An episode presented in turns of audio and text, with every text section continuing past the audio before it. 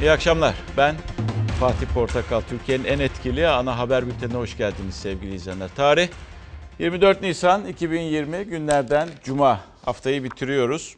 Yani diyeceksiniz değil mi ne çabuk geçti. Nisan'ın da 24'üne geldik. Nisan da bitmek üzere.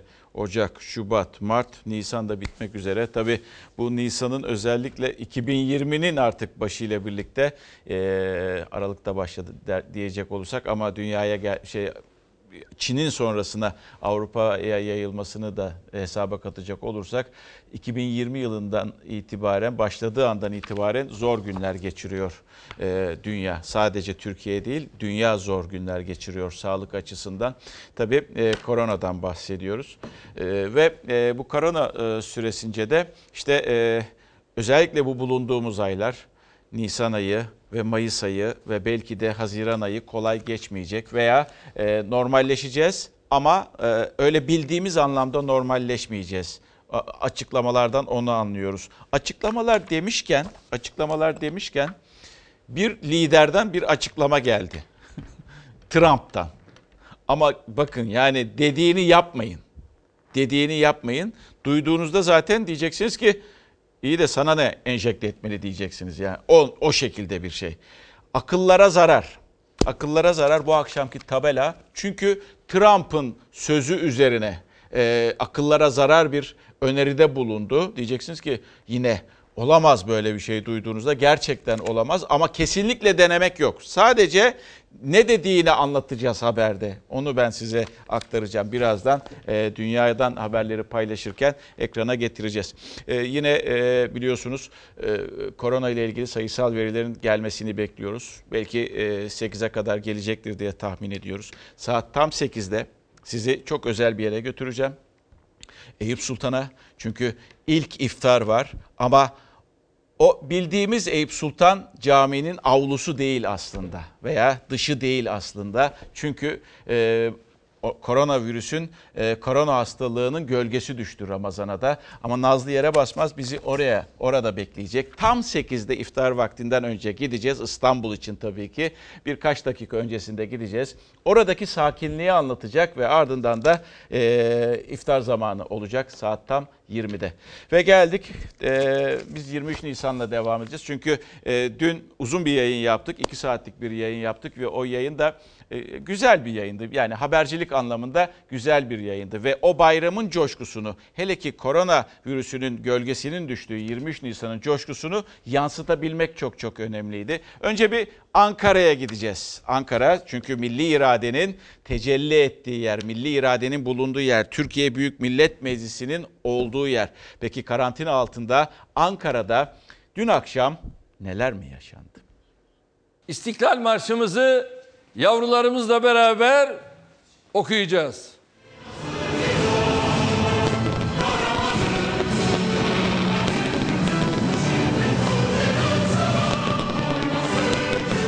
Tüm Türkiye 23 Nisan akşamı saat tam 21'de tek yürek tek nefes oldu. Hep bir ağızdan İstiklal Marşı'nı okudu. Cumhurbaşkanı Erdoğan dakikalar kala ulusa sesleniş konuşması yaptı İstanbul Huber Köşkü'nden ve sonrasında torunlarının da içinde olduğu çocuklarla birlikte yaşadı İstiklal Marşı coşkusunu. Korkma sönmez şafak,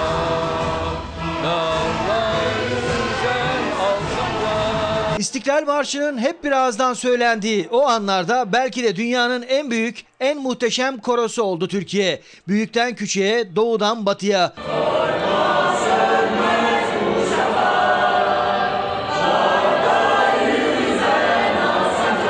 O koroya katılan liderlerden biri de Meral Akşener'di. İstanbul'da eşiyle birlikte. Kahraman ırkıma bir şiddet bu celal sana Olmaz dökülen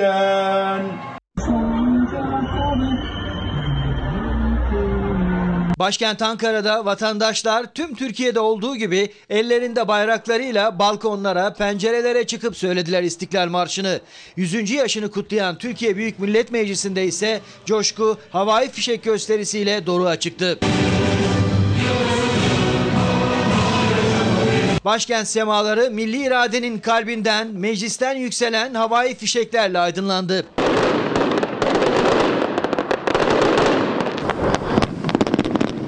23 Nisan'da İstiklal Marşı'nı hep birlikte söyleyelim önerisinin mimarı Meclis Başkanı Mustafa Şentop'tu. Meclis bahçesinde lazer gösterisi ve havai fişek eşliğinde söylendi İstiklal Marşı. Aynı dakikalarda İçişleri Bakanı Süleyman Soylu da meclisin hemen karşısındaki İçişleri Bakanlığı önünde Jandarma Genel Komutanlığı ve polis bandosunun mini konseri sonrasında ortak seslendirdiği İstiklal Marşı'na eşlik etti. Kahraman Mehmetçik ise Türkiye'nin dört bir yanından İstanbul'dan Diyarbakır'a, Hakkari'den Çanakkale'ye ve Türk bayrağının dalgalandığı topraklardan Somali'den Afganistan'a, Bosna Hersek'ten Suriye İdlib'e kadar nöbet yerlerinde İstiklal Marşı'nı coşkuyla söyledi. Milli Savunma Bakanı Hulusi Akar'la birlikte Genelkurmay Başkanı ve kuvvet komutanları sivil kıyafetleriyle Çanakkale Şehitlik Abidesi önünden seslendirdiler İstiklal Marşı'nı. Ve Cumhuriyetimizin kurucusu 23 Nisan'ı çocuklara bayram olarak hediye eden Büyük Önder Atatürk'ün ebedi istirahatgahı Anıtkabir. İşte o anlar. Tüm Türkiye'de olduğu gibi başkent Ankara'da da korona günlerinin moral bozukluğuna inat tam anlamıyla bir bayram coşkusu yaşandı. Sabahındaysa saat 21 için planlanan İstiklal Marşı okunması öncesinde Erdoğan'ın gecikmeyle başlayan ulusa sesleniş konuşması ve çocuklarla verilen fotoğraf siyasette yeni tartışmalar başlattı. Sayın Erdoğan televizyonlar karşısında çocuklarımızla hiçbir sosyal mesafe ve korunma kuralına uymadan çıkmış kötü örnek olmuştur. Milli bir etkinliği geciktirerek milleti ve meclis başkanını bekletmesi de milletimize, gazi meclisimize saygısızlıktır. CHP sözcüsü Faik Öztrak, AK Parti Genel Başkanı'nın törenlere neden katılmadığını milletimize açıklama ve özür borcu da var diyerek eleştirilerine noktayı koydu. Ankara'da bunlar yaşanıyordu. Güzel görüntülerdi. Tabii yani daha böyle insan coşkulu yaşamak istiyor. Çünkü 100. yıldan bahsediyoruz ya. E, ilk defa bir kere gelecek 100. yıl bir daha da olmayacak zaten. Ama neticede e, kısıtlamalar vardı koronavirüsüyle ilgili. Hayatımızı çok değiştirdi. Hayatımızı çok da değiştirecek gibi görünüyor. Çünkü birazdan e, yine bu korona haberlerine bakacağız, göz atacağız. Orada uzmanların dediği de var. Yani öyle 2 ay, 3 ay, 5 ay normalleşmek açısından, hayatın tamamen normale dönmesi açısından onu kastediyorum. Öyle 3 ay, 5 aymış gibi gelmiyor. Ee, siz de o açıklamaları duyduğunuzda ya diyeceksiniz bir süre ama uzun bir süre bizi bekliyor. Dikkat etmek zorundayız diye. Ankara'da bunlar yaşandı. Bir de tabii gelelim İstanbul'a. Biz canlı yayınlarla o atmosferi biraz olsun e, yaşatmaya çalıştık. Nedir o atmosfer diyeceksiniz. Ee, yani İstanbul'da tabii o da Bağdat Caddesi'nde Beşiktaş'ta oldu vesaire daha böyle meydanlarda olurdu kutlamalar ee, 23 Nisan veya milli bayramların. Tabii İstanbul'da da kısıtlama olduğu için İstanbul'da sakindi. Ama sadece yollar sakindi. Binalara şöyle yollardan giderken kafanızı kaldırıp da binalara şöyle bir baktığınızda herkes coşkuluydu.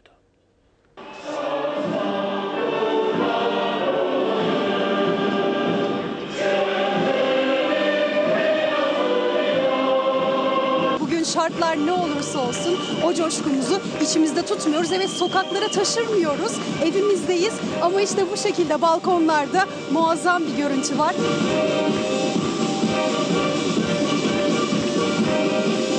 Bütün çocuklar için aydınlık bir Türkiye diliyorum.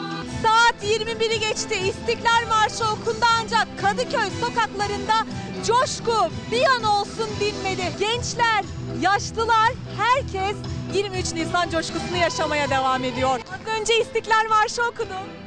Çok sevdim. Saat 21'den önce de tam saatler 21'i gösterdiğinde ve sonrasında da İstanbul balkonlardan içeri girmedi. İstiklal Marşı'nın hep birazdan söylenmesinin ardından coşku devam etti, marşlar yükseldi.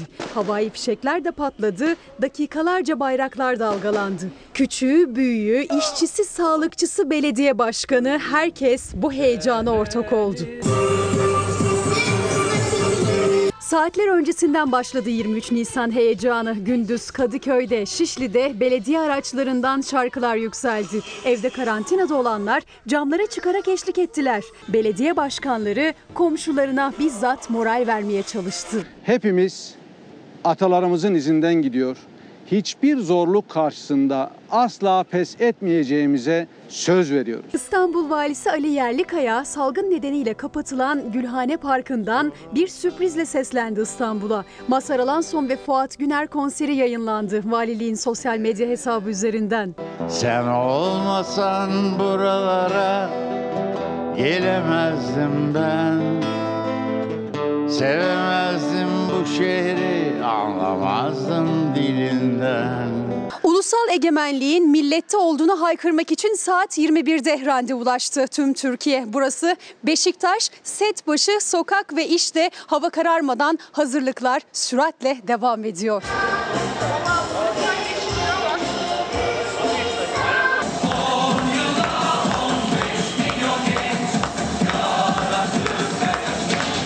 Saatlerin 21'i göstermesine tüm Türkiye'nin İstiklal Marşı'nı okumak için balkonlara çıkmasına dakikalar var ancak Kadıköy sokaklarından bu dakikalarda müzik sesleri, marş sesleri yükseliyor ve dakikalar öncesinden insanlar balkonlarda 23 Nisan coşkusunu doya doya yaşıyor. Buradan Atatürk'e çok teşekkür ederiz. İlk önce bize bayramı armağan ettiği için. Çocuklar atasına minnettardı. Büyükler de karantina altında onların heyecanına ortak oldu. Saatler 21'i gösterdiğinde ise büyüleyici anlar yaşandı.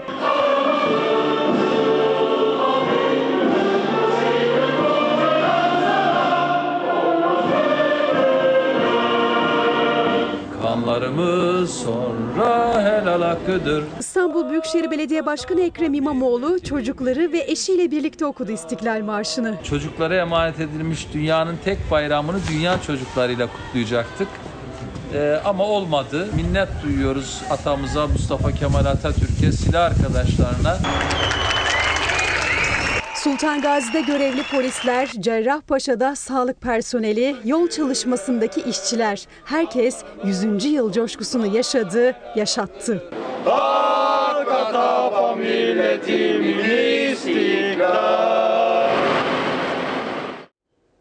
Yurda bakacağız ama öncesinde veriler geldi. Umut veren veriler diyebiliriz. Birazdan uzun uzun konuşacağız ama şu tablo bizi mutlu eden bir tablo. Anladığımız kadarıyla bir profesör öyle diyordu. Enfeksiyon Enfeksiyon Hastalıkları Derneği Başkanı Profesör Doktor Profesör Doktor Ceylan e, Mehmet Ceylan'ın e, bizim anlayacağımız şekilde bir açıklaması vardı. Ne zaman ki bir günlük e, iyileşen sayısı bir günlük vaka sayısını eşitler veya geçer o zaman biz e, mutlu olmalıyız. O zaman kontrol altına alındığını düşünebiliriz diyordu. Bugünkü tabloda bunu söyleyebiliriz herhalde. Sadece ama e, bilim insanının söylediği ışığında bizi sevindiren bir tablo. Bakın bugün e, bugün test sayısı 38.351. Bugünkü vaka sayısı 24 saat içerisinde 3122. Hayatını kaybeden insanların sayısı maalesef 109 ama düne göre düşme var. Bugün iyileşen sayısı 3246. 3000, 3122 yani vaka sayısını, iyileşen sayısı vaka sayısını geçmiş. Bu bizi öyle tahmin ediyorum hocanın açıklamasından yola çıkarak e, güzel günler bizi bekliyor. En azından kontrol altına alındığı e, yönünde. Ama ya ben bir bilim insanı değilim. Rehavet yok. Ne diyorsa yönetenler e, veya Sağlık Bakanlığı ne istiyorsa, ne diyorsa ona uymak zorundayız. Ama bizi umutlandıran bir tablo gibi. Bu detayı verdikten sonra e, birazdan e, daha anlatacağız ama toplam hayatını kaybedenlerin sayısı da 2600 oldu onu da söyleyeyim. 21 21.737 e, toplam iyileşen sayımız. Az sonra döneceğiz. Tekrar bu tabloyu e, dünüyle karşılaştırırız. Arkadaşlarım hazırlar herhalde öyle düşünüyorum. E, ve ardından da o, o korona haberlerinde e, daha detaylı bakacağız. Şimdi yurt Yurtta da coşku vardı tabii ki. Ama yurttaki coşkuyu e, anlatırken size İzmir'den başlayacağız. Çünkü İzmir'in belediye başkanı Tunç Soyer sahil bulvarında gidiyor. Gündüz vakti işte coşku var vesaire. O sırada eşi diyor ki annen balkonda. Annem balkonda diyor. Başkan da annesini balkonda görünce çocuk gibi seviniyor.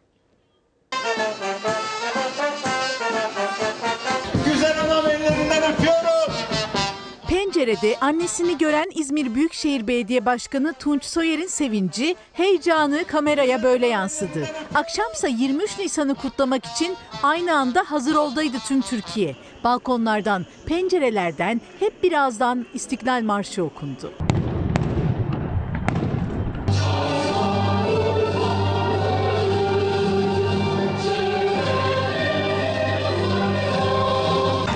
Büyükşehir Belediye Başkanı Tunç Soyer, saat 21'deki İstiklal Marşı çağrısı öncesinde eşi Neptün Soyer'le birlikte şehir turundaydı. Tur sırasında Neptün Soyer, pencerede kayınvalidesi Güneş Soyer'i gördü, eşine söyledi. Başkan Soyer de heyecanla annesine seslendi.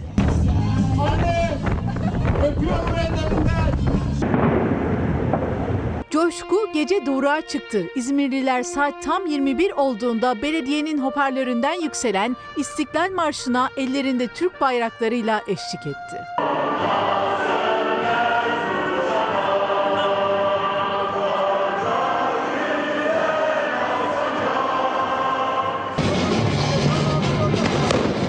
Türkiye Büyük Millet Meclisi'nin kuruluşunun 100.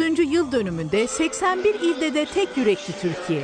Koronavirüs kısıtlamaları nedeniyle herkes evdeydi. Sokakları kimi yerde belediyelerin müzik organizasyonları renklendirdi.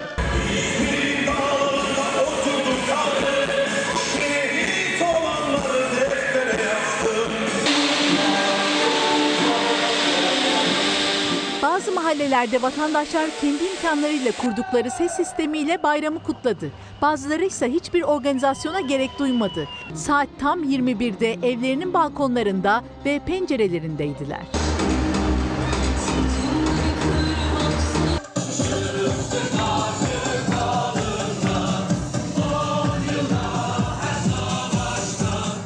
İnşallah seneye e, okullarımızda güzelce kutlayacağız. Şiirler okuyacağız, şarkılar söyleyeceğiz.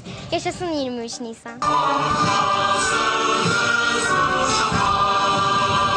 Çanakkale'deki Şehitler Abidesi'nde de Antalya Kumluca'daki seralarda da aynı coşku hakimdi.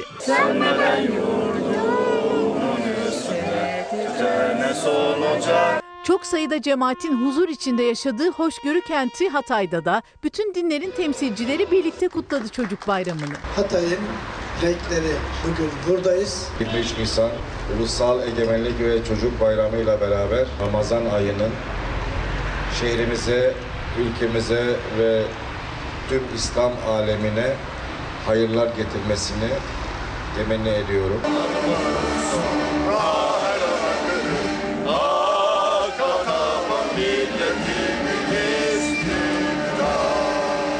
Ardahan'da bayram kutlaması tarihi köprü üstündeydi.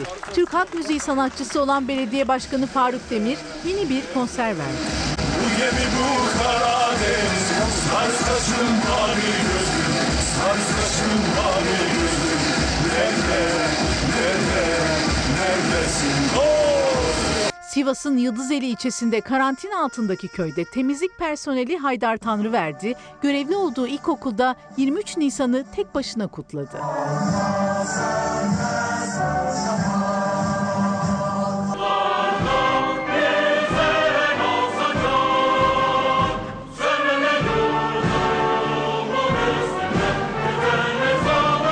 Polisler gibi sağlıkçılar da birçok ilde aynı dakikalarda saygı duruşundaydı. Bütün bu renkli görüntülere karşın istenmeyen olaylar da yaşandı. Rize ve Kocaeli'de İstiklal Marşı okunurken havaya rastgele ateş açıldı. Darıca'da saat 21'de pencereye çıkan 55 yaşındaki Havva Gülmez'in omzuna maganda kurşunu isabet etti. Bu arada birden baktım ki eşim feryat etti, vuruldum dedi, içeri düştü. Ve bu şekilde 23 Nisan'ı kutladık 100. yılında. Daha nice yüzyıllara milli iradenin tecelli ettiği yer. Tabii sırada şimdi 19 Mayıs var. 19 Mayıs'a kadar e, hayat tamamen normalleşecek mi? Veya 19 Mayıs'ı acaba nasıl kutlayacağız? E, 19 Mayıs'ta yine evlerde böyle mi olacağız veya kısmen normalleşmiş bir hayatın içerisinde mi olacağız? Ama ama onu korona haberlerinde e, en azından bilim insanlarının vermiş olduğu açıklamış ol, açıklamalarından e, nasıl yaşayacağımızı önümüzdeki günlerde, önümüzdeki aylarda nasıl yaşayacağımızı anlayacağız ve e, kendimize de öyle bir yol tutacağız. Şimdi Ankara'da tabii e, Türkiye'nin her tarafında 23 Nisan'da e, çok coşkulu görüntüler vardı. Türk Tarih Kurumu da çok önemli bir e, kuruluş biliyorsunuz kurum E, ve Tarih Kurumu'na da bir atama yapıldı. Tarih Kurumu'na yapılan atama Türk Tarih Kurumu'nun başkanlığına Ensar Vakfı'nın Afyonkarahisar e, yönetim kurulu üyesi Profesör Doktor Ahmet Yaramış getirildi sevgili izleyenler. Tabii Ensar Vakfı'nı biliyorsunuz. iktidarın özellikle önem verdiği, e, kıymet verdiği vakıflardan biri Ensar Vakfı. Geçtiğimiz e, süreç içerisinde Ensar Vakfı'nı nasıl hatırlıyorsunuz diye soracak olursanız geçmişte yaşanmış gerçekliklerden bahsederim size. En yakın gerçekte biliyorsunuz işte Ensar'a yapılan Kızılay'ında kullanılıp başkent gazın yapmış olduğu ve Ensar'a giden yardım böyle bir vakıftan bahsediyoruz. Ee, ve bu vakfın geçmişte yaşattığı bazı özel e, bazı e, kötü e, durumlar da vardı. İşte e, Karaman'da yaşanan çocuk tacizleri vesaire.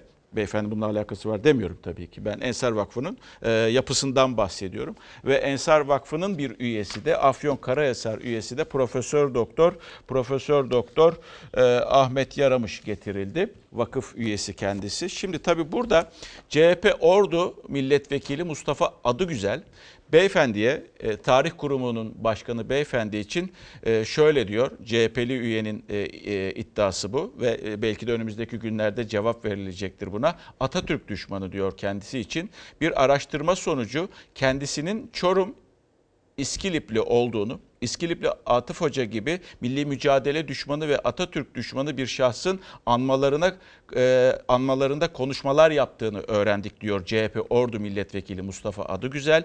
2011'de yine başka bir Atatürk düşmanı Mustafa Armağan'la beraber Çorum İskilip'te düzenlenen panelde İskilipli Atıf'ı met etmiştir diyor CHP'li vekil. Peki diyeceksiniz İskilipli Atıf kimdir? Onun da açıklamasını yapıyor, getiriyor ki tarih kitaplarından da bilirsiniz tarihten. Kuvayi Milliye'ye Şakiler, kudurmuş haydutlar diyen, Mustafa Kemal'e eşkıya diyen, Mustafa Kemal'in vücudunun ortadan kaldırılmasını isteyen ve e, bu şekilde çağrıda bulunan bir e, kişi olduğunu e, söylüyor CHP Ordu Milletvekili Mustafa Adıgüzel. Çünkü biliyorsunuz Türk Tarih Kurumu önemli. Atatürk tarafından da Atatürk'ün direktifiyle 12 Nisan 1931'de kurulmuş e, önemli bir kurum. O bu önemli kurumun yüceltilmesi gerekir. Sayın hocamızdan da aynı şekilde bu kurumu e, yüceltmesini e, istiyoruz, diliyoruz ve bekliyoruz. Geldik. Şimdi bir iki mesaj okuyalım. Ardından da tabii ki e, dünyanın da gündemi, bizim de gündemimiz olan koronadan bahsedeceğiz biraz. Tabii bugünkü e, tabelaya dedik ki e, akıllara zarar, akıllara zararı nereden bulduk? Onu da Trump'ın sözlerinden, o da az sonra ekrana gelecek. Şöyle diyoruz demiş bir vatandaş, e, bilim dışı yapılan her şey akıllara zarar. Evet çünkü birazdan ABD Başkanı Trump'ın bilim dışı açıklamasını dinleyeceksiniz. Aman bakın altını bir kez daha çizerek söylüyorum. Lütfen uygulamak yok. Sadece e, kafa yapısını anlatmak için o haberi ekrana getireceğim birazdan.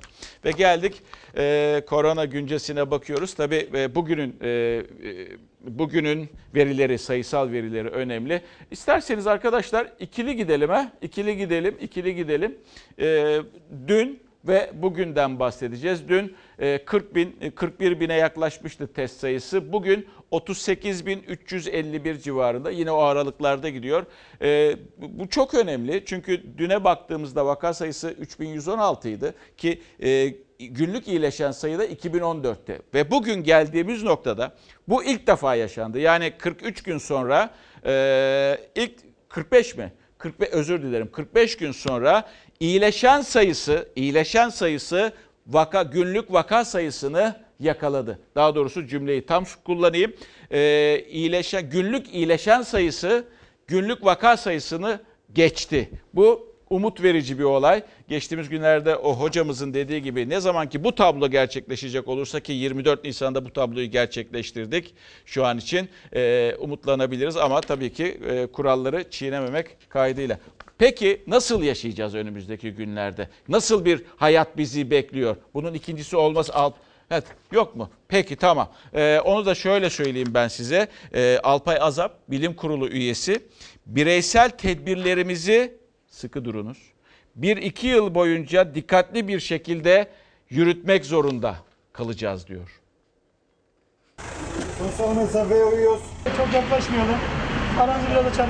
Pazartesi bu hafta başında görmüş olduğumuz rakamlar bize bir miktar tedirginlik yaratmıştı. Çünkü yapılan test sayısına göre vaka sayısı sanki birkaç gün öncesine göre bir artış gösteriyor gibiydi. Ama e, daha sonraki günler içerisinde bunun böyle olmadığını gördük ve rahatladık. 3116 kişinin daha koronavirüs test sonucu pozitif çıktı. Tespit edilen yeni vakalarla birlikte Türkiye'deki toplam vaka sayısı 100 bini aşarak 101.790'a yükseldi. Hastanelerdeki yoğun bakımlarda 1816, solunum cihazına bağlıysa 982 hasta var. 24 saatte koronavirüs tedavisi gören 115 kişi daha hayatını kaybetti. Can kaybı 2491'e ulaştı. Sağlık Bakanı Fahrettin Koca Türkiye'nin koronavirüsle mücadelesinde geldiği son rakamları yine sosyal medya hesabından paylaştı. Bugün dünden daha iyi durumdayız. Bu noktaya biri bile tesadüfen yapılmamış toplam 791.906 testle geldik. Tanı konanların her birinin temaslı taraması ya yapıldı ya da devam ediyor. Alınan sonuca tedbirle destek şart. Bize güç verin. Sosyal. Artan iyileşen hasta sayısıyla umutlar daha da artıyor. Bir günde 2014 hasta tedavisi tamamlanarak iyileşti. Bugüne kadar iyileşen toplam hasta sayısı 18.491'e ulaştı. Türkiye'nin dört bir yanına yayılan salgının başladığı 11 Mart'tan bu yana tam 45 gün geçti. 81 il arasından ilk müjdeli haberin geldiği şehir bugüne kadar toplam 8 vakanın görüldüğü Tunceli oldu. Valilik sosyal medyadan son hastanın da tedavi olarak taburcu edildiğini ve ilde hiç koronavirüs vakasının kalmadığını açıkladı. Şu ana kadar Tunceli'de tespit edilen 8 pozitif vakamızdan 7 hastamız önceki hafta taburcu olmuşlardı. Az önce kalan bir hastamız da taburcu oldu. Böylece iyileşip taburcu olan hasta sayımız 8 şükür. Başhekimimiz nezdinde sağlık çalışanlarımızı tebrik ediyoruz. Tunceli tam rahat bir nefes almaya hazırlanırken sevinç kısa sürdü. 24 saat geçmeden yeni bir vaka tespit edildiğini duyurdu vali. Sevgili Tunceli hemşerilerim, Dün bu vakitler 8 pozitif vakamızın 8'inin de taburcu olduğunu yazmıştım. Bugün maalesef bir pozitif vakamız çıktı. Toplam vaka sayımız 9 oldu. Rehavet olmamalı. Alınan kararları titizlikle uyalım. Sağlığınıza dikkat edin lütfen. İşte sık sık yapılan rehavete kapılmayalım uyarıları da zaten bu yüzden. En küçük bir rahatlamada ikinci dalganın yaşanması kaçınılmaz son. Ancak evden çıkmayarak kurallara sıkı sıkıya uyulursa tüm Türkiye'de hayatın normale dönmesi mümkün. Koronavirüs Bilim Kurulu üyesi Profesör Doktor Alpay Azap herkesin iple çektiği o günlere nasıl kademe kademe geçileceğini anlattı. Salgın eğrisinin tepe noktasına çok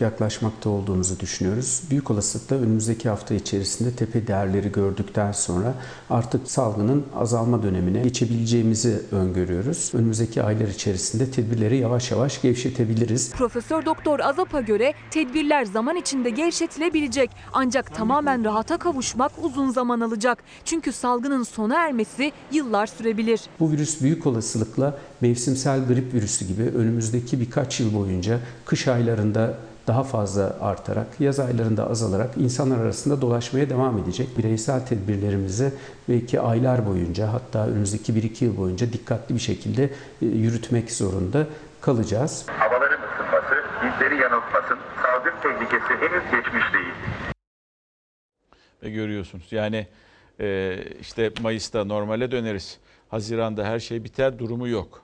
E, bilim adamları diyor ki işte manzara bu. Önümüzdeki e, özellikle güz dönemi ve e, ve kış dönemi etkili olacağını söylüyorlar ve sadece bu sene için değil yani 2020'nin sonbahar ve kışı için değil bir iki sene diyor Alpay Azap ki dikkat etmemiz gerekir bu hocanın söylediklerine. Kendisi bilim kurulu üyesi, o üyelerden biri. Onun bilgileriyle aydın, onun yapmış olduğu çalışmalar sonrasında aydınlanıyoruz. O ve arkadaşlarının çalışmaları sonrasında aydınlanıyoruz. Yani görünen şu ki e, bundan sonraki süreç hayatımızı etkileyecek, sosyal ilişkilerimizi etkileyecek, bireysel ilişkilerimizi etkileyecek ve e, toplum ve birey sağlığı, birey ve toplum sağlığı açısından da bir süreç bekliyor bizi. Yani bu süreç içerisinde 45 günde e, alıştıklarımızı ve alışkanlık haline getirdiklerimizi belli ki önümüzdeki süreçte de bizler e, sürdürmeye devam edeceğiz. İşin ciddiyetinden bahsediyorlar çünkü. Bir arkadaşımız diyor ki AVM'ler Mayıs başında açılır mı? Ben öyle bir şey duymadım şimdiye kadar. Zaten bunun kararını e, Bilim Kurulu, Sağlık Bakanlığı Bilim Kurulu ile birlikte istişare ettikten sonra bir tavsiye olursa onu Cumhurbaşkanlığına sunuyor. Cumhurbaşkanlığı tarafından o tavsiye kararı uygulanıyor. Ama ben AVM'lerin Mayıs başında açılacağını duymadım şu an için. Şimdi e, bir verilere tekrar bakacağız. 24 Nisan'ın verilerine bizi umutlandıran veriler ki Sağlık Bakanı keşke bugün canlı yayında olsaydı. Bu sorular mutlaka sorulurdu. Artık tepeyi yakaladık mı, zirveyi gördük mü, yatay mı yapacağız? Yapa, yataydan yani çan eğrisinin yükseltisini yaptık. Düz gidip ardından aşağı mı inme dönemi başladı diye ama gördüğümüz manzara bu. Bizi umutlandıran bir manzara. Hayatını kaybedenlerin sayısı e, gün içerisinde 24 saat içerisinde 109 kişi oldu. Bu düne göre bir azalma var. Onu da hatırlatayım size. Toplamda hayatını kaybedenlerin sayısı 2600. 45 günde 2600 yurttaşımızı maalesef bu hastalıktan kaybettik. Ee, entübe bu değişiyor. Dün 800'lerdeydi, bugün 900'e çıkmış. 929 yani solunum cihazına bağlı olanlar 929. 1790'da yoğun bakımda bulunan hasta sayımız. Tabii tüm bunlar olurken herkesin aklı aslında 10 Nisan'daydı. Ha, 10 Nisan'da ne olmuştu? E, hafıza unutabilir. Ben sizin aklınıza getireyim. E, gece yarısına 2 saat kala İçişleri Bakanlığı tarafından işte sokağa çıkma yasağının uygulanacağı ifade edilmişti. Tabii Cumhurbaşkanı'nın talimatıyla. Sonra da hayır o talimatı ben yapmadım dedi. E, onu da hatırlatayım. En azından o da unutulmuştur. Onu da hatırlatmış olayım. Tabii burada önemli olan öznesi 10 Nisan. Herkes onu merak ediyordu. Çünkü gece yarısına 2 saat kala böyle hazırlıksız bir şekilde e, sokağa çıkma yasağı ilan edince insanlar sokağa çıktı. Kimi insanlar alışveriş için sanki aç kalacağız. E, işte 48 saat bir şey bulamayacağız endişesi ve korkusuyla insan psikolojisi yermemek de gerekiyor. Sokaktaydılar. Yani o fiziksel mesafe falan kalmadı ve hep sorular oydu. Acaba bunun bir 10 gün sonrasında Türkiye ne yaşayacak diye. Zannedersem Sağlık Bakanı'nın kafasında da aynı soru varmış. O sorunun cevabını da ama kendisi verdi. 10 Nisan'ın endişe edildiği kadar etkisinin olmadığını söylüyor.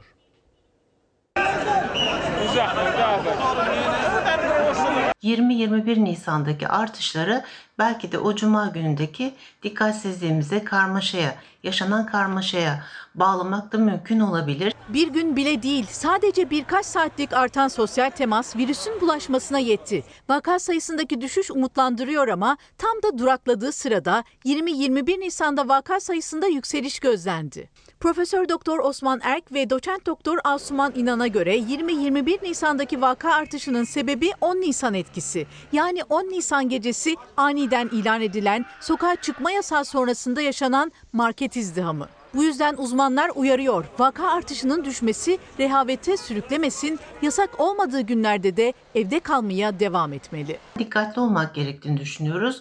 Örneğin 10 Nisan'da o karmaşayı yaşadığımızda önümüzdeki günlerde bunun vaka sayısındaki artışlara yol açabileceğini öngörmüştük. Açık olan yerler çok az olduğu için doğal olarak milletimizin bir telaşı var. Ee, Ben bunu da normal karşılıyorum ama vatandaşlarımızdan talebimiz şudur. ee, Bir telaşa gerek yok. Beklenen sokağa çıkma yasağı beklenmeyen bir anda gelmişti. 10 Nisan'ı 11 Nisan'a bağlayan gece 24'ten sonra geçerli olacak 30 büyükşehir ve Zonguldak'ta 2 günlük sokağa çıkma yasağını televizyondan duyurdu İçişleri Bakanı Süleyman Soylu. Gece yarısına yani yasağın başlamasına sadece 2 saat vardı. Sayın Cumhurbaşkanımızın da talimatıyla birlikte hafta sonu itibariyle 30 artı e, Büyükşehir artı Zonguldak'ta bir sokağa çıkma yasağı e, ilan edildi. Sokaklar, caddeler bir anda insan doldu. Herkes marketlere, fırınlara akın etti. Genelge açıklanmadığı için fırınların açık kalacağı da bilinmiyordu. Fırınlar izdihamın en fazla yaşandığı noktalardan biri oldu. Marketlerde de sosyal mesafe sıfıra indi. Al sosyal mesafeyi gör Sabiha. Bak sosyal mesafe. Üçer metre arkadaşlar, üçer metre.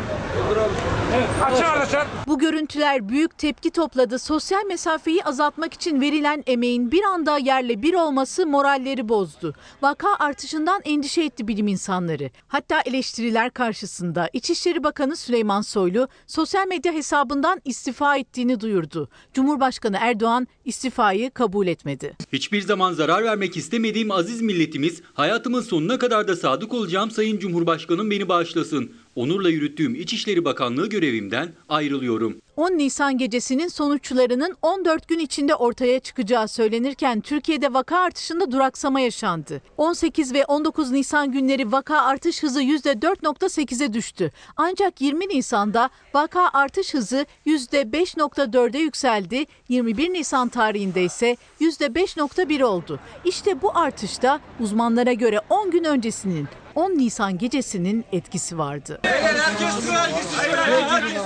Alınan önlemlerdeki gevşemeler, sapmalar vaka sayısındaki ve daha sonra da tabii ki ölümlerdeki artışla sonlanmakta. Neyse ki sonrasında alınan tedbirler sayesinde korkulduğu kadar artmadı vakalar. Sağlık Bakanı Fahrettin Koca da 10 Nisan gecesinin sonuçlarına bir röportajında değindi. Sokağa çıkma yasağının ilk ilan edildiği 10 Nisan'daki tablonun endişe edildiği kadar etkisi olmadı. Yani ikinci dalga durumu oluşmadı. Süreç 10 Nisan'daki ani hareketlenmeye karşın kontrol edilebilir düzeyde seyretti. Enfeksiyon hastalıkları uzmanı doçent doktor Asuman İnan da yasak olmasa bile evden çıkmamanın önemine vurgu yaptı. Geldiğimiz noktanın e, iyi olması bizi rehavete kaptırmamalı, dikkat etmeye, hatta daha çok dikkat etmeye e, gayret etmeliyiz.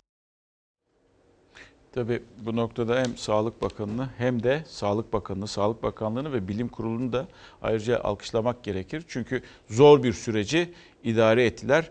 Ben şeffaf olduklarını düşünenlerdenim. Her çıktığında da öyle söylüyordu Sayın Bakan ki e, bilim kurulu üyeleri de gerçekçi açıklamalar yapıyorlardı diye düşünüyorum. Şimdi tabii bu korona ile birlikte, koronavirüs ile birlikte e, Türkiye'de biliyorsunuz bir başka tartışmada e, e, zor durumda olanlara ekonomik anlamda bir şekilde belediyelerin yardım yapması veya yardım toplaması veya bağış toplamasıydı. İşte ha, o bağışlar e, şu anda bloke edildi. Kamu Bankası'nda durduruldu. Ha, şöyle hesaplarında şu kadar varmış. Ankara'da e, Ankara Büyükşehir Belediyesi'nin o bağış kampanyasında 3 milyon 532 bin TL şu anda blokaj altında. Ee, İstanbul Büyükşehir Belediyesi'nde de 2 milyon 942 bin 927 TL bulunuyor. Ha, bu arada sert bir açıklama, daha doğrusu sert demeyeyim ama tepki koyan bir açıklama Meral Akşener'den geldi. 6 emekli maaşıma el konuldu dedi. Aslında demek istediği ben oralara yardım yapmıştım. Benim ma- üçer maaş oraya, üçer maaş buraya. Bu do- dolayısıyla benim maaşıma da el konulmuş oldu. Güya kendilerince hükümetle yarışa kalktılar. Yardım kampanyalarının yapılmasında bir problem yok. Yani yardım kampanyası yapılır. Bu ülkede Ensar Türkiye yardım kampanyaları yaptı. Maalesef CHP'nin başını çektiği bir kesim yine bozgunculuk peşinde koşuyor. Sayın Erdoğan IBAN numarası vererek insanlardan para istemesinde bir sorun yok. Yardım ettiğimiz ülkelerse vatandaşının IBAN numaralarını istediler. Yardım bağış polemiği siyasetin gündeminden düşmeyen sıcak başlık. Akşener başka ülkeler para dağıtmak için IBAN numarası isterken Cumhurbaşkanı bağış toplamak için vatandaşa IBAN verdi diyerek eleştirdi. Sözü belediyelerin hesaplarına bloke konulmasına getirdi. Emekli maaşını belediyelere bağışladığını hatırlattı. Benim emekli maaşım. Üçü birinde, üçü birinde buna el konuldu. Şimdi ben bunu doğru bulmuyorum. Yardımları tek hesapta toplayınca da paralarımıza el konuldu yalanına sarıldılar. Devlet olarak biz kimsenin parasına el koymadık. Asıl mesele özellikle İstanbul ve Ankara belediye başkanlarının yaptığı kampanyanın durdurulması, hesaplarına el konulması problemi var. Akşener korona günlerinde geliri kesilen ihtiyaç sahipleri için belediyeler tarafından toplanan paraların bankada kalmasına tepki gösterdi. Ankara Büyükşehir Belediyesi'nin bloke konulan hesaplarında 3 milyon 532 bin lira var. İstanbul Büyükşehir Belediyesi'nin blokeli hesaplarındaysa 2 milyon 939 bin 252 lira ve 490 euro. Biz geliri olmayan vatandaşlarımıza devletin yıllardır var olan sistemi üzerinden nakit yardımı yaparken onlar hem hukuka hem inancımıza aykırı şekilde zekat toplama peşine düştüler. Kim ne derse desin. Kulak asmayın. Bağışlarınızı, zekatınızı, fitrenizi hangi partiden olursa olsun fark etmez. Yaşadığınız yerin belediyesiyle paylaşabilir, ulaştırabilirsiniz. Diyanet İşleri Başkanlığı'na sorarsanız zekatı kimler toplar, kimler toplayamaz onlar size gerekli cevabı verir. Böyle bir konuda konuşma hakkına sahip değilsiniz. Zekatı kim toplar, kim toplayamaz Diyanet karar verir demişti Erdoğan. Yardım bağış polemiğinde Ramazan'ın da gelmesiyle zekat da tartışmaya dahil oldu. Maalesef bunları da yaşadık korona günlerinde sağlıkla uğraşırken e, yani e, merkezi yönetimle belediyeler arasındaki daha doğrusu her belediye değil Millet İttifakı'nın belediyeleri arasındaki tartışmaları da gördük. E, birazdan zaten reklam sonrasında 8'den sonra e, yine Ankara ve İzmir Belediyesi yeni bir e, kampanya başladı. Bunun yansıması nasıl olacak onu hep birlikte hem izleteceğim hem de yarını bekleyeceğiz artık. Bir yasak gelir mi gelmez mi ona bir bakacağız ama gelmeyeceğini düşünüyorum. Ee, birazdan Trump da ekrana gelecek o akıllara zarar şeyi Allah'ım ya Rabbim ya çok kötü bir şey.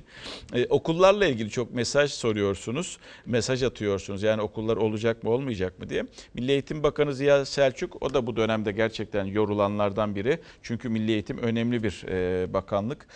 Katıldığı bir programda e, 30 Nisan'da e, açılıp açılmayacağı biliyorsunuz 30 Nisan'a kadar uzatıldı. 30 Nisan'da açılıp açılmayacağı sorusuna karşılık e, bu kararı e, Cumhurbaşkanı'nın vereceğini söylüyor. Birçok aile de çünkü benzer e, açıklamalarda benzer sorular soruyor. 30 Nisan'da okullar başlayacak mı diye e, kararın e, Cumhurbaşkanı'na ait olduğunu e, ifade ediyor Milli Eğitim Bakanı Ziya Selçuk. Şimdi reklama gideceğiz. Reklamdan sonra geleceğiz e, ve Eyüp Sultan'a götüreceğim sizleri. Bizi orada Nazlı bekleyecek çünkü.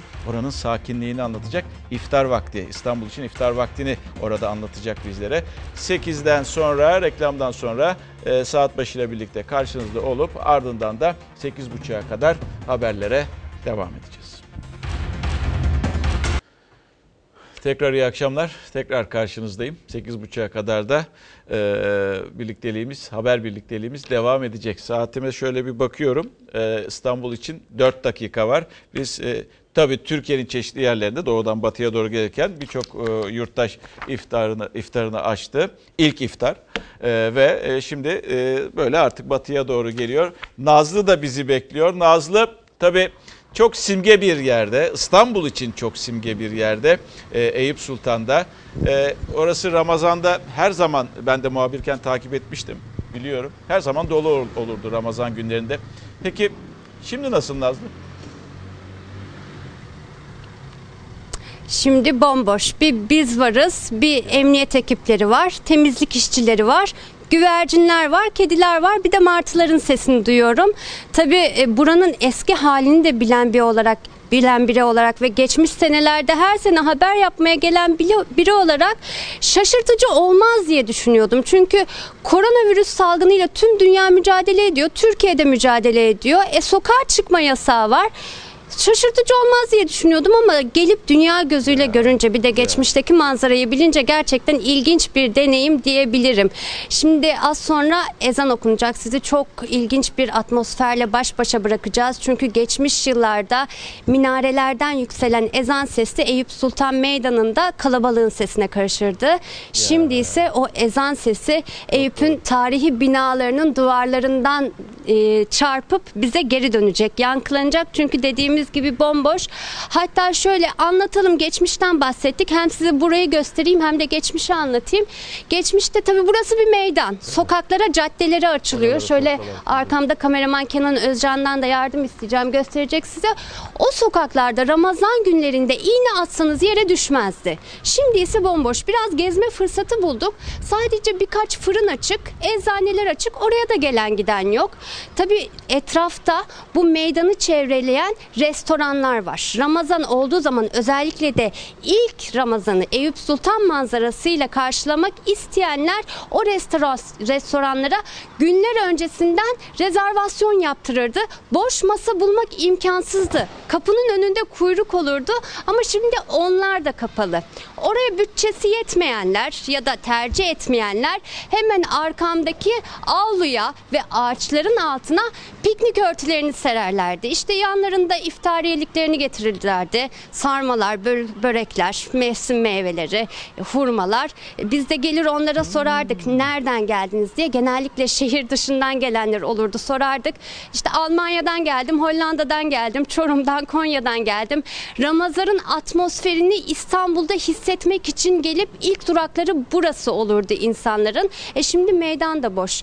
İftar yapıldıktan sonra hemen camiye akşam namazı için koşulurdu. Arkamda Eyüp Sultan Camii'nin A kapısı iç avlu dolup taşar. Şu anda bulunduğumuz yerde saflar sıklaştırılırdı. Bilmiyorum geniş alabiliyor muyuz ama bu meydan olduğu gibi bu avlu insanla dolardı. Böyle yan yana namaz kılınırdı. Şimdi burayı boş görmek de ilginç açıkçası. Tabii sürekli Ramazan'da burası hiç boş kalmazdı. 24 saat boyunca dolu olurdu. Akşam namazından sonra çıkılır, şöyle bir dolaşılır, belki sıcak bir bardak çay içilir. Sonra yatsıya, yatsı namazı, teravih. Teravihden çıkıldıktan, gezildikten sonra sahur vakti gelir. Sahur da bu avluda yapılır. Sonra sabah ezanı beklenir. Gün ışıldar, sabah namazı da kılınır. Yani 24 saat Eyüp Sultan Camii gibi İstanbul'un birçok tarihi camisinde, Sultanahmet Meydanı'nda, Üsküdar'da, Süleymaniye'de, Fatih Camii'nde hep aynı atmosfer yaşanırdı. Kalabalık olurdu. Şimdi ise bu günleri yaşıyoruz. Bu olağanüstü günleri yaşıyoruz. Tabii günler İçişleri Bakanlığı'nın Ramazan'a özel genelgesi var. Sağlık Bakanlığı'nın, Diyanet İşleri Başkanlığı'nın uyarıları var. Ne diyorlar? İbadethaneniz eviniz olsun diyorlar. Namazınızı evinizde kılın. Orucunuzu evinizde açın. Ailenizle beraber olun. Burada önemli olan nasıl 23 Nisan coşkusu dün evlerde ama hep birlikte kutlandıysa Ramazan da evlerde ama hep birlikte kutlansın deniyor. Evet. Ezan sesini duydum. İstanbul için iftar vakti. Allah kabul etsin diyelim.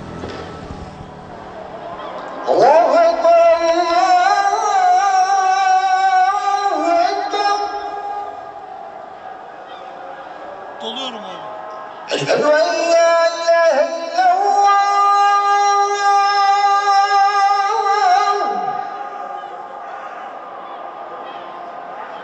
Eşhedü en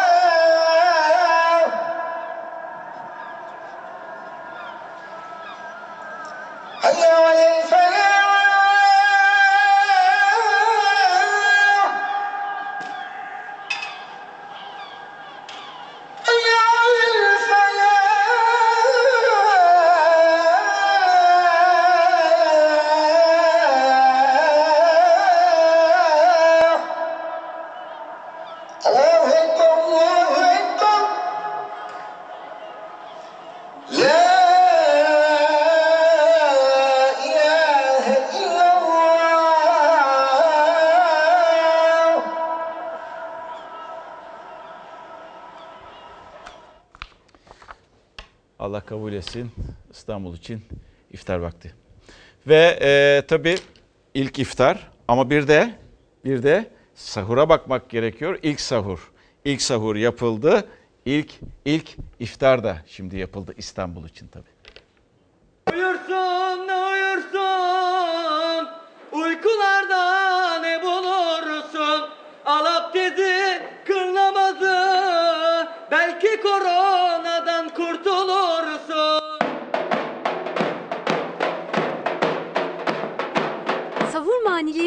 Gündeme uydu. Covid-19'la mücadele günlerinde Ramazan'ın ilk sahuruna koronalı manilerle uyandırdı davulcular. Hem Sağlık Bakanlığı'nın hem Diyanet'in uyarıları ve sokağa çıkma yasağıyla birlikte Ramazan'ın ilk gününde iftarlar evlerde açılmaya başlandı. Bahşiş toplamak Covid-19 bulaşıcılığını artıracağı gerekçesiyle yasaklandı.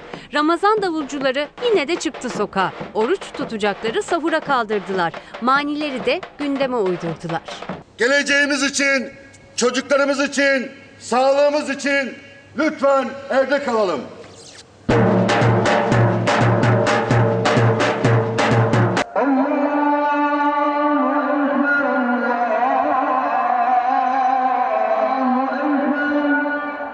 Tarihi camilerin avluları, meydanlar boş kaldı Ramazan'ın ilk günü.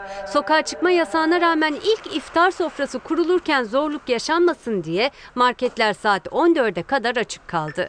Ramazan'ın klasik görüntülerinden pide kuyrukları oluşmasın, salgın riski artmasın diye İçişleri Bakanlığı genelgeyle fırınlar için de önlem aldı. İftara 2 saat kala pide üretimi durdurulacak. İftardan sonra ise üretim devam edecek. Kesinlikle saat 6'da son pide sıcak fırın içerisinden çıkmış olacak.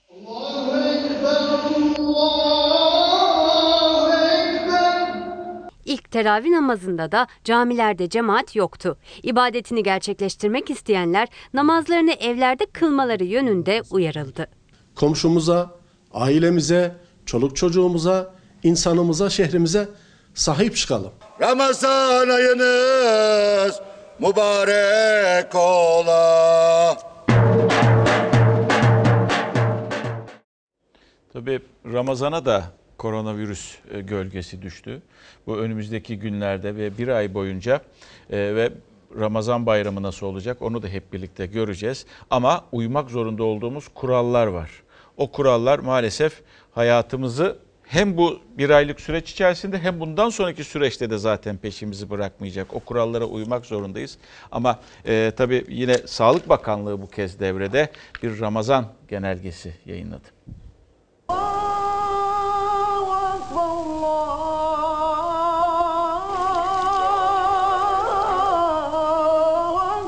Önce İçişleri, sonra Sağlık Bakanlığı'ndan geldi Ramazan ayına yönelik uyarılar.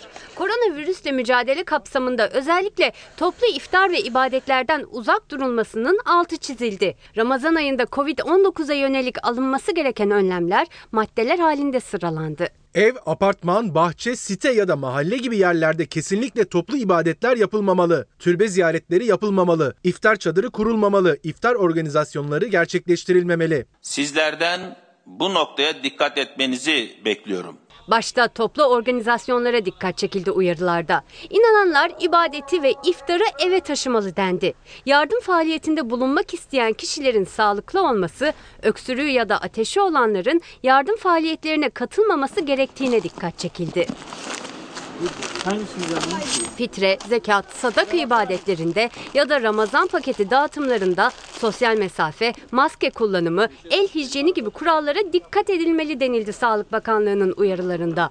Ve yardım kolilerinin evlere girmeden kapıya bırakılması uyarısında bulunuldu. Siz tedbirleri esnetirseniz bir anda boş bir umuda dönebilir. Tedbirleri uygularsak ölüm oranları düşüyor. Kesin olan budur. En önemli konuysa oruç. Sağlık Bakanlığı orucun koronavirüs riskini arttırdığına yönelik araştırma bulunmadığını açıkladı. 65 yaş üstü diyabet ve yüksek tansiyon hastalığı olanların hekimlerine danışarak karar vermesi gerekir. Diğer hastalıklarda olduğu gibi oruç tutmak isteyen COVID-19 hastalarının da doktorlarına danışmaları gerekiyor. Koronavirüs Virüs nedeniyle camilerde kapalı. Teravih namazları evde kılınacak. Mukabeleler, dualar evlerde yapılacak. Ev ibadetlerinde de kullanılan seccade ve tesbih gibi malzemelerin kişiye özel olması gerekiyor. Tabii e, Ramazan genelgesine uyulmak zorunda, uymak zorundayız ki e, daha e, sağlıklı bir toplum amacıyla. Ama Ramazan'ın tabii gelenekleri de var. Nedir o gelenekler? Evet çadırlar kurulmuyor, Ramazan çadırları kurulmuyor, iftar çadırları kurulmuyor maalesef, kurulamayacak. Ne var ki bir şekilde belediyeler devreye girerek, belediyeler devreye girerek insanlara ulaşmaya çalışacaklar ve ulaşıyorlar da. İşte İzmir Büyükşehir Belediyesi, İzmir Büyükşehir Belediyesi e, www.bizizmir.com e, adresine girip buradan bir bağışta bulunup e, belli bir miktar ve onun o bağışın sonrasında ihtiyacı olan insanlara iftarlık götürüyorlar. Sadece İzmir değil, Ankara'da benzer bir şey yaptı. Bakın sadece bunlar bu iki belediyeden geldiği için belki başka başka belediyeler de böyle yapıyordur. Lütfen ulaşınız, bildiriniz. Sadece bu iki belediyeden duyduğumuz için biz bu iki belediyeyi paylaşıyoruz şu anda.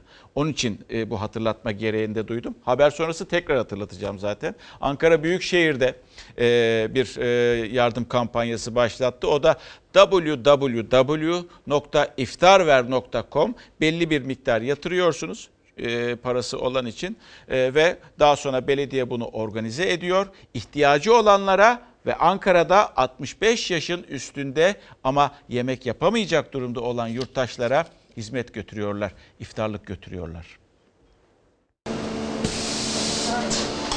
Günlük 20 bin adet ihtiyaç sahipli vatandaşlarımıza, dar gelirli ailelerimize, 65 yaş üstü vatandaşlarımıza, kronik hasta olan vatandaşlarımıza iftar yemekleri sunuyoruz. Ankara Büyükşehir Belediyesi 20 bin ihtiyaç sahibi aileye günlük yemeklerini gönderiyordu. Ama Ramazan ayında bu sayı daha da artsın, ihtiyaç sahiplerinin sofrası boş kalmasın diye Mansur Yavaş bir iftarda benden kampanyası başlattı. Daha Ramazan'ın ilk gününden 10 binden fazla yardımsever Ankaralı kampanyaya destek oldu. 70 binden fazla iftar paketi bağışı yapıldı.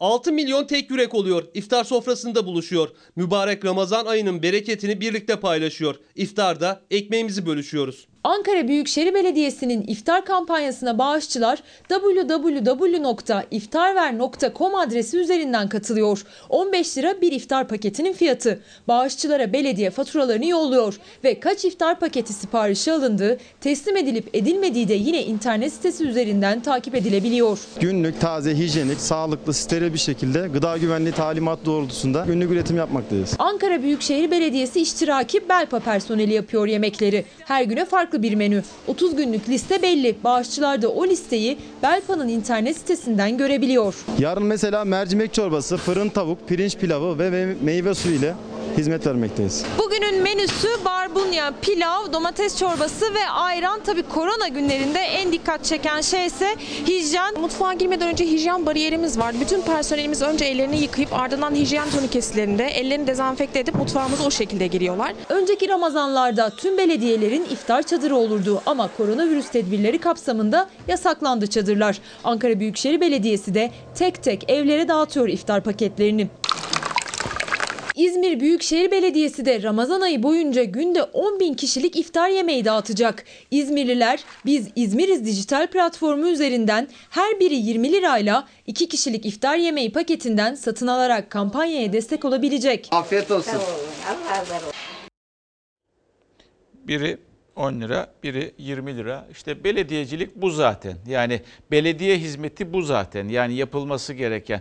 Yani umarım yasaklanmaz. Yani bunun yasaklanan bağıştan da bir farkı yok aslında bakacak olursanız. Yani orada da insana ulaşmak vardı. Orada da insanın ihtiyacı olan insanın ihtiyacını gidermek vardı. Burada da aynı mantık İzmir'de ve Ankara'da ve belki birçok belediyede bunu yapıyordur. Lütfen biz yani olanlar bu. Bizlere ulaşın. Yapıyorsanız belediye olarak onları da duyuralım ve duyulsun ki daha fazla insana ulaşınız. Yani kitle iletişim çağındayız zaten. Eğer bize ulaşırsanız ve Bu ulaşmayı gerçekleştirirseniz biz de ekrana getiririz ve daha fazla insan bulunduğunuz yerde buna ulaşır. Umarım bir yasak gelmez, gelmemesi gerekir. Çünkü e, bu e, Ramazan ayında e, fakiri fukarası çok olan, ihtiyacı olan e, toplumumuzda çok insan var. Belediyeler de zaten bunu gerçekleştiriyor. Ankara olsun, İzmir olsun veya yapan başka belediyeler varsa. Şimdi kimi belediye başkanları da haberlerinin ulaştırılamamasından, haberlerine sansür getirilmesinden e, sıkıntı duyuyor. Fatih Maçoğlu bugün dikkatimi çekti bu haber. E, belediyesiyle yapılan ilgili haberlerin e, ajanslar tarafından, haber ajansları tarafından ambargo uygulandığını söylüyor. Kendisi iddiası bu yönde. Uzun süredir İhlas Haber Ajansı ambargo uyguluyordu. Hiçbir çalışma ve açıklamamıza yer vermiyordu. Şimdi bu sansür ve ambargo kervanına Doğan Haber Ajansı da katıldı. E, Demirören Haber Ajansı da katıldı diyor. Umarım böyle de bir şey yoktur ki e, Fatih Maçoğlu şöyle de bir tespiti var. E, bakın DHA, İHA ve AHA Anadolu Ajansı muhabirlerine yaptığı açıklamalar basın emekçisi arkadaşlarımız tarafından hazırlanıp Tunceli'de görev yapan arkadaşlar tarafından hazırlanıp merkezlere gönderilmesine rağmen haberler sansürlenerek reddediliyor diyor. Yani e, medyanın halini görüyorsunuz eğer böyle yapılıyorsa. Yani diyecek başka da bir şey yok yani. Ve işte kimisi kimi belediye de sesini duyurmaya çalışıyor ama maalesef o da böyle duyuramıyor. Fatih Bey yani sosyal medya çok kuvvetli, e, iletişim çok kuvvetli. Siz duyurmak isteyin yeter ki WhatsApp hattından gönderirsiniz ve güzel güzel de haberlerinizi paylaşabiliriz. Ulaşamayan belediyeler varsa sesini duyuramayan biz onlara da yardımcı oluruz. Geldik. He, şimdi bak bu, bu çok enteresan bir haber. Çünkü uzun süredir evlerdeyiz ya. Özellikle 65 yaş üstü evlerde onlar çıkamıyorlar. Şimdi bizler de işte kaç haftadır e, sokağa çıkma yasağı e, veya kısıtlaması uygulanıyor. E, internette en çok sipariş edilenler nelermiş? Mesela onlardan bir tanesi en gözde olanı o hepimizin bildiği yapboz. Tüm dünyayla birlikte ülkemizi de saran koronavirüs salgını yüzünden evlerimize kapanmak zorunda kaldığımız şu günlerde ben vaktimi puzzle yaparak değerlendiriyorum. Hatta gelin size son yaptığımı göstereyim. Ben bir tanesini bitirdim. Bir tanesi de bitmek üzere. Koronavirüs salgını nedeniyle tüm dünya gibi Türkiye'de eve kapandı. Evde yapılan aktiviteler arttı. Hobi sektöründe satışlar 4-5 katına çıktı. Birleşmiş Markalar Derneği verilerine göre %1438'lik rekor artışla Puzzle bir diğer adıyla yapboz satışları birinci sırada. Çok yakın zamanda tamamladığım 2000 parçalık bir dünya haritası var. Ankara'nın üretim merkezlerinden birinde Ostim'deyiz. Türkiye genelinde pek çok sektörde işler durma noktasına gelmişken bazı sektörlerde öyle şirketler var ki sokağa çıkma yasağının olduğu günlerde bile özel izinle harıl harıl çalışmaya devam ediyorlar. Onlardan biri de puzzle üreten bir şirket. Talepler bir anda insanların eve kapanmasıyla arttı. Tabii bu içinde bulunduğumuz karantina günleri sürekli evde olmak ve böyle zaman geçirmek açısından bizi çok zorluyor. Ee, özellikle de çalışmaya e, alışkın insanlar olarak. Ee, Ben de tabii ki bu süreçte e, birkaç puzzle siparişi verdim. Şu an yapmaya çalışıyorum ama Haftalık kapasitemizin 4 kat üstünde üretim yapabiliyoruz. Ama satışlar 7-8 kat fazla geliyor. Bu 1024 parçalık kare bir puzzle. Yaklaşık 2 günümü aldı tamamlamak. Diğer odada ise 1000 parçalık bir mini puzzle var. Yapboz siparişindeki artışa yetişebilmek için istihdam artışına gidiyor firmalar. 28 kişiyle çalışıyorduk. Şu anda 8 kişi daha Nisan ayı başıyla e, işe başlattık. Herhalde bir 5-6 kişi daha alacağız gibi duruyor. Sadece Türkiye'de de değil, dünyanın farklı yerlerinde evlerinde karantinada olanların birinci tercihi yapboz. İhracatında da artış var. İhracatımız çok arttı. %20-%30 oranında 22-23 ülkeye Çin dahil ihracat yapıyoruz. Maketlerde, ev içinde oynanan aile birlikte oyunlarda bunlarda bir artış var. Oyuncu koltuğu satışlarında %891, kutu oyunlarında %627, dizüstü oyun bilgisayarlarında da %551'lik artış var. Karantina günlerinde ev aktivitelerinden biri de evde kolay yapılabilen sporlar, pilates malzemelerine talep de %554 artış gösterdi. Bütün ülkeyi göz önüne aldığınız zaman bu tabii bizim aldığımız rakamlar çok büyük rakamlar değil ama çalışabilen sektörlerde olduğunu bir anlamda bu kriz bize öğretti. Farklı farklı sektörlerde aslında büyüyor veya e, kazanç sağlıyor. Enteresan. Ee, Şimdi bir sorun var. Ee, maille gönderilmişti bana. En azından Sağlık Bakanlığı, İl Sağlık Müdürlüğü, İstanbul İl Sağlık Müdürlüğü bununla ilgilenebilir belki. İstanbul Çekmeköy İlhan Varank Hastanesi'nde korona şüphesi olan hastalardan test alınıp 3 gün sonra test sonucu çıkacak diyor- diyorlar ve hızlı kit diye bir şey yok ortada. Ayrıca şüpheli olanları yer olmadığı için, yer olmadığı için iki kişilik odalarda bekletiyorlar. Hasta olmayan bile birbirine kapma, e, has- hasta olmayan bile birbirin, birbirlerinde kapma ihtimali yüksek. Sağlık Bakanlığı'nı aradığımızda bile şikayet edeceğimiz bir muhatap bulamıyoruz demiş. Kimseye ulaşamadığım için, kimseye ulaşamadığım için e, CİMER'e de yazmış e, öyle diyor. E, bu konuyu lütfen dile getirir misiniz? E, herhalde ilgilenecektir İstanbul İl Sağlık Müdürlüğü veya Sağlık Bakanlığı Çekmeköy'de İlhan Varank Hastanesi'nde.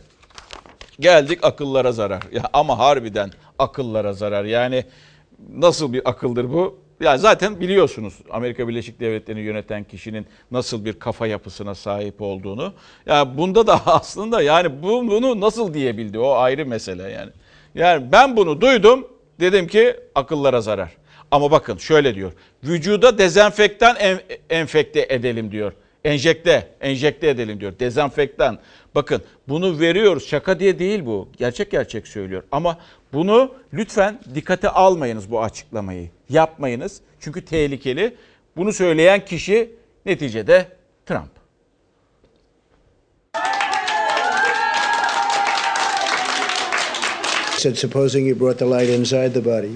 Dezenfektanlar virüsü birkaç dakikada etkisiz hale getiriyor. Bunları temizlik yapar gibi vücuda enjekte edebilir miyiz? Bana ilginç geldi. Covid-19 nedeniyle ölü sayısının 50 bini geçtiği Amerika'da Trump vücuda dezenfektan enjekte etmeyi önerdi. Bilimsel hiçbir dayanağı olmayan akıllara zarar öneri sağlık uzmanlarını isyan ettirdi.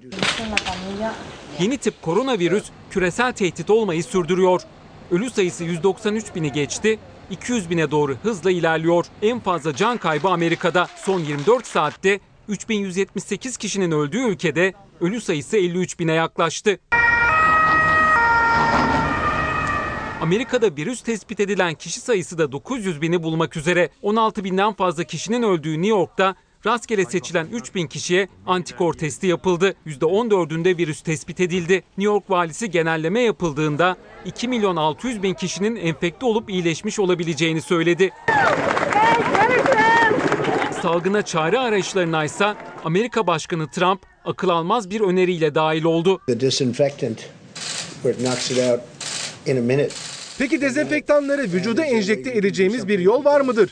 Belki de içimizde bir çeşit temizlik yapabiliriz. Biliyorsunuz virüs ciğerlere iniyor. Buna bir bakmak ilginç olabilir. Covid-19'la mücadele görev gücü doktorlarından Burks, başkanın sözlerini duyunca adeta dondu kaldı. Yüzü değişti. Ardından Trump'a bunun mümkün olmadığını anlatmaya çalıştı ama fayda etmedi. Trump bu konuya bakılmasının ilginç olacağında ısrarcıydı. Amerika Başkanı'nın insan hayatını tehlikeye atacak tavsiyesine tepki yağdı. Sağlık uzmanları insanlara Trump'ın sözlerine inanıp dezenfektan içmemeleri çağrıları yaptı.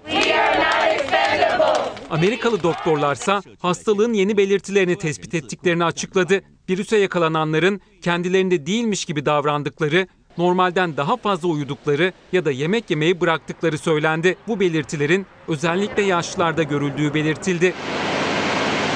Virüsün ilk görüldüğü Çin'in Wuhan kentinde ise dünyayı endişelendiren gelişmeler yaşanıyor. Doktorların iyileştiğini söylediği bazı hastalara 50 gün sonra yapılan testler pozitif çıktı. Haber ajansı Reuters'a konuşan Çinli doktorlar negatife dönmeyen bu hastaların karantinada tutulduğunu açıkladı. 4000 vakaya rastlanılan ve 75 kişinin hayatını kaybettiği Güney Afrika Cumhuriyeti'nde devlet başkanı Ramaphosa canlı yayında ülkedeki karantina önlemlerini anlattı. Maskenin nasıl takılacağını göstermek istedi. Maskeyi bir türlü düzgün takamayan Güney Afrika lideri stüdyoyu terk etti. Avrupa'da en fazla vakanın görüldüğü İspanya'da bir günde ölen hasta sayısı 3 günün ardından bir kez daha 400'ün altına indi. 367 kişi hayatını kaybederken bu son bir ayın en düşük rakamı oldu. Ayrıca son 24 saat içerisinde iyileşenlerin sayısı hastalığa yakalananların sayısını geçti. E, mesaj da geliyor bu arada. yapılan belediyelerin yaptığı e, Ramazan e, yardımları veya bağış topluyorlardı ya ve insanlara Ramazan boyunca dağıtıyorlar. Mersin Büyükşehir'de benzer bir şey yapıyormuş. 8 bin kişiye e, ulaşıyorlarmış.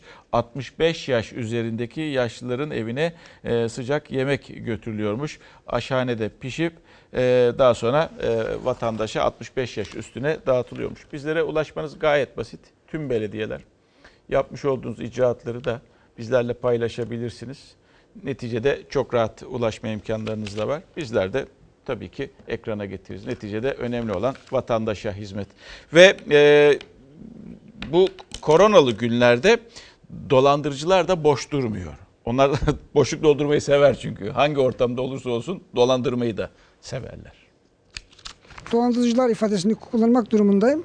Aradılar ve beni e, Sağlık Bakanlığı Bilim Kurulu'na almak istediklerini söylediler. Profesörü seni koronavirüs bilim kuruluna alacağız diyerek dolandırmak istediler. Arayan kişi kendisinin Sağlık Bakanlığı Personel Genel Müdür Yardımcısı olduğunu söyledi. Ben de çok mutlu oldum. E, Çok yararlı olacağımı söyledim. Kayseri Erciyes Üniversitesi Çocuk Kardiyolojisi Bilim Dalı Başkanı Profesör Doktor Kazım Üzüm'ü cep telefonundan aradı dolandırıcılar. Kendisini bilim kuruluna alacaklarını, kendisini bilim kuruluna alacaklarını ve 22 bin lira maaş vereceklerini söylediler. 22 bin lira maaş alacağımı söyledi. Yalnız ertesi gün bir bağış yapmam gerektiğini söyledi. Bağışın da Sayın Cumhurbaşkanımızın direktifleriyle olduğunu, şehit aileleri ve engelli ailelerin bir tanesine yardım yapmam gerektiğini, bağış makbuzu da onlara göndermem gerektiğini söyledi. Bağış için hesap numarası da verdi telefondaki kişi. Sanki inanmışım gibi davranarak tamam dedim. Yalnız parayı bulamıyorum siz benim maaşımı yatırın.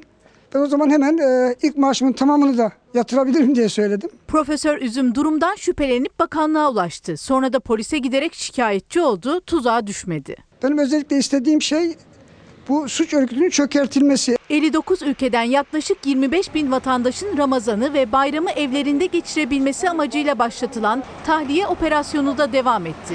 Yaklaşık 3800 Türk daha yurt dışından getirilerek sağlık taramasının ardından çeşitli illerde karantinaya alındı. Sağ olsun Türkiye'miz, sağ olsun milletimiz, devletimiz, Cumhurbaşkanımız. Allah razı olsun. Oradan takip ettik. Fransa'da ne olduğunu gözlerimizle gördük. Yakın tanıdığımız doktorlar, hemşeriler vardı hastanede. Yaşlıları ölüme terk ettiklerini gördük. Fişlerin çekildiğini de gördük. Koronavirüs günlerinde polisin denetimi de sürdü. Düzce'de fazla yolcu alan otobüsten 3 kişi indirildi. Üç tane fazla yolcum var. Onu indirelim. Diğer gelecek. Kocaeli'nde trafik polisleri ehliyet ve ruhsat sorarken sosyal mesafe aparatı kullandı. Tamam devam edebilirsiniz. Görüyoruz değil mi? Daha neler göreceğiz. Bu arada yurt dışında mahsur kalanlar vardı. O süreyi e, geçire yani yetişememişlerdi Türkiye'ye veya getirilememişti bir şekilde. Onlardan biri de Hindistan'daydı. Seda Yavaş oraya eğitim almak için gitmişti. Seda Yavaş da e, Türkiye'ye getiriliyor. Lütfen uçak gönderin. Lütfen bizi tahliye edin. Burada virüs yayıldığı zaman bizim biz canlı olarak dönemeyeceğiz ülkeye. Türkiye onu gözyaşlarıyla tanımıştı. Koronavirüsün aniden tüm ülkelere yayılması ve sınırların kapatılmasıyla Hindistan'da mahsur kalmıştı Seda Yavaş. Sokaklarda kaldı, bir Hintlinin evine sığındı. Seda Yavaş'tan iyi haber geldi. Bugün size çok güzel bir haber vereceğim. Türkiye'ye dönüyoruz. Ee, bugüne kadar e, bazen ağlarken bazen gülerken e, ama bugün bu halimle e, beni görmenizi istedim. Hindistan sokaklarında kaldığında perişan haldeydi Seda Yavaş. Bu kez en özenli haliyle cep telefonu kamerasından güzel haberi duyurdu. Marmaris'te yaşayan iki çocuk annesi su terapisti Seda Yavaş bir eğitim için Hindistan'a gitti. Sınırlar kapatılınca havalimanının kapısında kaldı. Sokaklarda yattı. Sonra Hintli bir ailenin yanına sığındı. Çocuklarıma, aileme dönmek istiyorum. Ülkemden, acilen Türkiye'den bizi kurtarmak için bir uçağın gelmesini bekliyoruz. Yalvarıyorum ülkeme.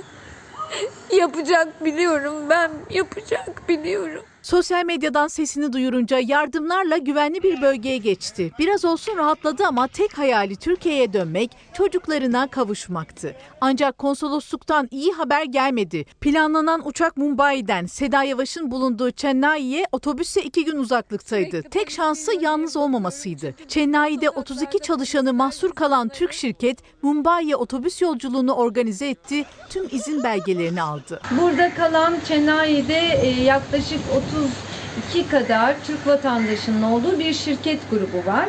E, o grup e, konsolosluk ve Hint hükümetleriyle bağlantıya geçerek e, Mumbai'ye gidecek olan bir otobüsün planlamasını yaptılar. Bana da bilgi verdiler. Çok zorlu bir yol olacak bu. 45 derece sıcaklıkta ve e, dağ tepe aşarak gideceğimiz bir yol olacak. Ama olsun. Türkiye'ye dönünce 14 günlük zorunlu karantinaya alınacak. Gözyaşları ailesine kavuştuğunda belki de bu kez mutluluktan akacak. Bugün bu hale gelmeme sebep olan e, sizlersiniz. Çok seviyorum sizleri. Çok teşekkür ediyorum. Ve e, işte yine geliyor mesela Eskişehir Tepebaşı Belediyesi alt- e, 600 kişiye sıcak yemek veriyormuş. E, İstanbul Beylikdüzü Belediyesi 450 haneye e, e, bu hizmeti gönderiyor veya veriyor. Önemli olan burada vatandaşı mutlu edebilmek, vatandaşa erişebilmek ve onların ihtiyacını bir şekilde belediye olarak giderebilmek. Önemli olan da bu zaten. Yani daha önce yap- yaptıkları o bloka, blokaj konulan e, bağışlar da o şekilde İstanbul ve Ankara'nın. Onun da umarım e, kalkacağını düşünüyorum. Umarım kaldırırlar ki olay tatlıya bağlansın en azından yönetenler arasında. Reklam diyeceğiz. Evet, kısa bir reklamdı bu. Bu arada Gaziantep Büyükşehir Belediyesi de her e, her akşam 1500 ihtiyaç sahibine iftarlık sıcak yemek veriyormuş. Valilik koordinasyonuyla gerçekleştiriyorlarmış bunu. Ayrıca Ramazan süresince dağıtılmak üzere 65 bin, he valilik koordinasyonuyla da bunu da yapıyorlar. Ramazan süresince dağıtılmak üzere 65 bin gıda paketi hazırlanıyormuş. Bak önemli olan bu. İnsanları mutlu edebilmek. Hangi belediye olursa olsun. Ee, kapatıyoruz. Bizden sonra Zuhal Topal'la Sofra'da programı var. İzleyebilirsiniz. Yeni bölümüyle ekrana gelecek. Hafta sonu, hafta sonunda e, sevgili Gülbin sizlerle olacak Gülbin Tosun. Cumartesi ve pazar. Pazartesi umarım karşınızda olacağım ben de. Ee, yarın daha mutlu, daha huzurlu, daha güvenli bir dünya ve tabii ki Türkiye'de buluşmak umuduyla. Hoşçakalın.